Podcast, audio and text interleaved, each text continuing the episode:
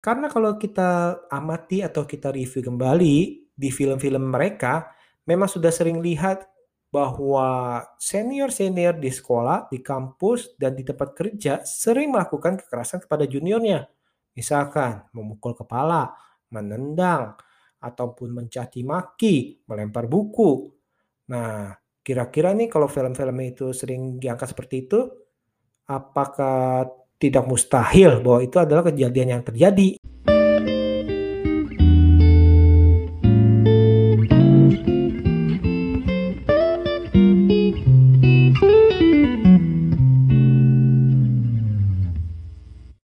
제6주 아들이잖아. 육상 국대. 1등만 기억하는 이 나라에서 유일하게 유명한 2등? 나도 1등 하고 싶어. 대체 제가 뭘 어쨌다고 여자 여자 운운 주시냐고요? 통역이 그렇게 하고 싶어? 그렇게 하고 싶으면 해야 돼. 오미수 씨 돈 많아요? 아닐걸요? 소멤버 진짜로 나가요? 조금 미친놈 같으신데. 근데 그쪽은 나 왜 도와줬어요? 두 번씩이나? 반 백수라더니 통역사였네요. 헐, 모델이었어? 영병, 비매품이었구만. 제가 통역할 선수가 혹시 언니는 운명을 믿어?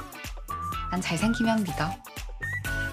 Widih, kira-kira apa yang akan kita lakukan ya bila kita melihat atau mengalami ketidakadilan dan mendapat perlakuan yang sangat tidak menyenangkan? Apakah kita akan berdiam diri seperti kebanyakan orang atau kita berdiri untuk membela prinsip kebenaran dengan resiko apa pun juga?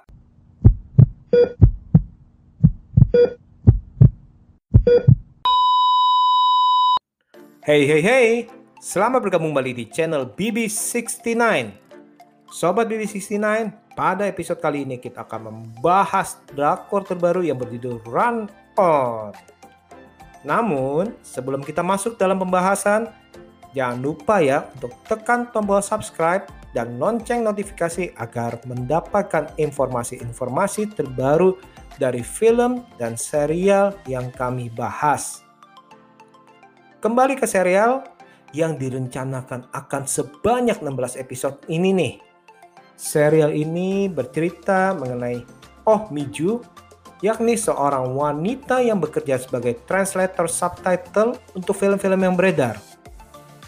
Karena berselisih dengan profesor seniornya, maka ia harus menerima hukuman untuk bekerja sebagai penerjemah dari seorang atlet lari dari timnas Korea Selatan yang bernama Ki Seon Gyom.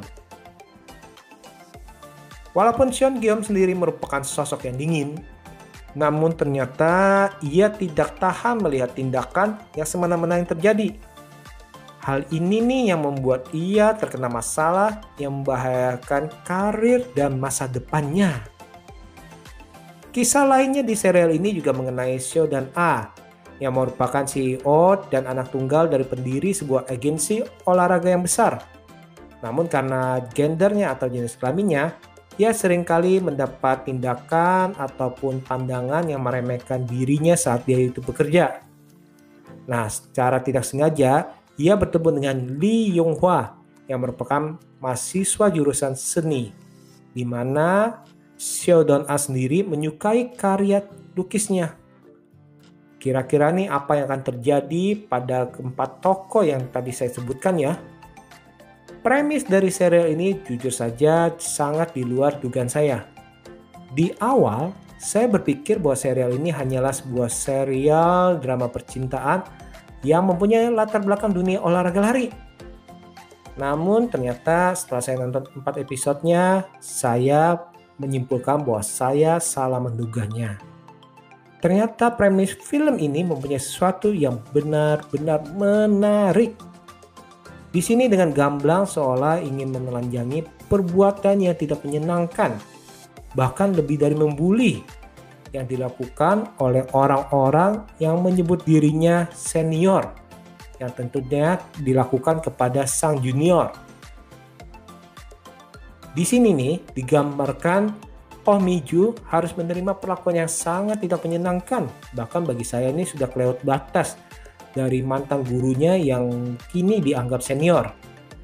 Hal ini juga terjadi pada tokoh yang bernama Kim Woo Sik yang menjadi bulan-bulanan dari sang senior yang bernama Park Sang Won yang bahkan menyebabkan cedera fisik bagi dirinya. Hal ini cukup bisa dibilang nih miris. Kenapa? Karena di serial ini digambarkan bahwa orang-orang yang berkuasa atau atasan mereka sebenarnya itu mengetahui, namun menutup-nutupi. Malahan menganggap hal itu sangat biasa. Dianggap hanya sekedar tindakan disiplin saja kata mereka. Itu kan benar-benar bikin gregetan dan bikin marah sih sebenarnya. Apakah ini sebenarnya bermaksud ingin menelanjangi tentang apa yang terjadi di negeri ginseng tersebut. Karena kalau kita amati atau kita review kembali di film-film mereka, memang sudah sering lihat bahwa senior-senior di sekolah, di kampus, dan di tempat kerja sering melakukan kekerasan kepada juniornya. Misalkan memukul kepala, menendang, ataupun mencaci maki, melempar buku. Nah, kira-kira nih kalau film-film itu sering diangkat seperti itu, apakah tidak mustahil bahwa itu adalah kejadian yang terjadi. Selain itu di sini juga digambarkan di mana permasalahan biasanya diselesaikan dengan benda yang maha kuasa. Apalagi kalau bukan D-U-I-T. Duit. Ya, memang kita nggak bisa sangkal bahwa hal itu terjadi di seluruh penjuru dunia. Dan mungkin aja nih hmm, sang penulis naskah si Park Min Suk memang mempunyai pesan-pesan yang gamblang untuk diterima oleh para penontonnya. Untuk drama percintaannya, jujur saja saya sangat menyukainya. Di sini kita dapat melihat bahwa kisah cinta itu dikemas berbeda dengan percintaan di drakor-drakor atau drama Korea pada umumnya. Di sini digambarkan cukup natural, di mana percakapan-percakapan yang ada itu cukup membumi yang mungkin aja kita dapat temui sehari-hari.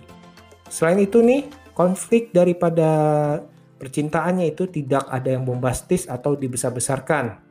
Misalnya tidak ada bumbu-bumbu cinta segitiga antara pemeran utama atau second lead yang biasanya ini ditaruh untuk membuat drama menjadi seru, bahkan menjadi kubu-kubuan. Drama ini sendiri disutradarai oleh Lee Jae-hoon yang sudah pernah menyutradarai beberapa drama Korea sukses nih. Sebut aja Good Manager, Pet Turner, terus abis itu ada The Ghost Detective. Yang menarik daripada serial ini juga adalah serial ini begitu indah. Kenapa? Karena sinematografinya wow memanjakan mata dia itu menggunakan warna pastel yang membuat hati terasa adem saat menontonnya. Oh ya, selain dari pemandangan yang indah, tentunya K-drama atau Korean drama itu tidak lengkap kalau tanpa makanan-makanan khas mereka dan juga tentunya soju. Peletakan dari semua itu terasa pas dan tidak dipaksakan sehingga enak aja dilihat gitu. Nah, untuk para pemainnya sudah tidak asing lagi. Sebut aja Im Si Wan, dia itu sudah bermain di Stranger from Hell, The King in Love, Missing Incomplete Life, Pure Love, dan lainnya. Sedangkan Shin Se Kyung ini udah mendapatkan beberapa piala nih, bahkan banyak. Misalkan di 2019 MBC Award itu dia mendapatkan Best Actress dan Best Couple di Rookie Historian Gu Hai-ryung. Kemudian di 2015 SBS Drama Award untuk The Roots of Throne dia mendapatkan kategori Excellent Actress, Best Couple Award dan 10 Star Awards. Di 2013 NBC Drama Awards dia mendapatkan Excellent Actress di film When Man Loves. Nah, jadi nggak usah diragukan lagi nih Terus ada Su Yang yang merupakan member dari Girl Generation. Dia sendiri sudah bermain di dalam film atau serial Tell Me What You Saw, So I Married an Anti-Fan, A Person You May Know, Man Who Sets the Table, dan lainnya. Jadi, tunggu apa lagi nih? Segera tonton di Netflix, mumpung baru episode keempat. Oke deh, Saya rasa sekian dulu episode kali ini dan jangan lupa dengarkan episode-episode lainnya tentunya dengan tema berbeda. See you.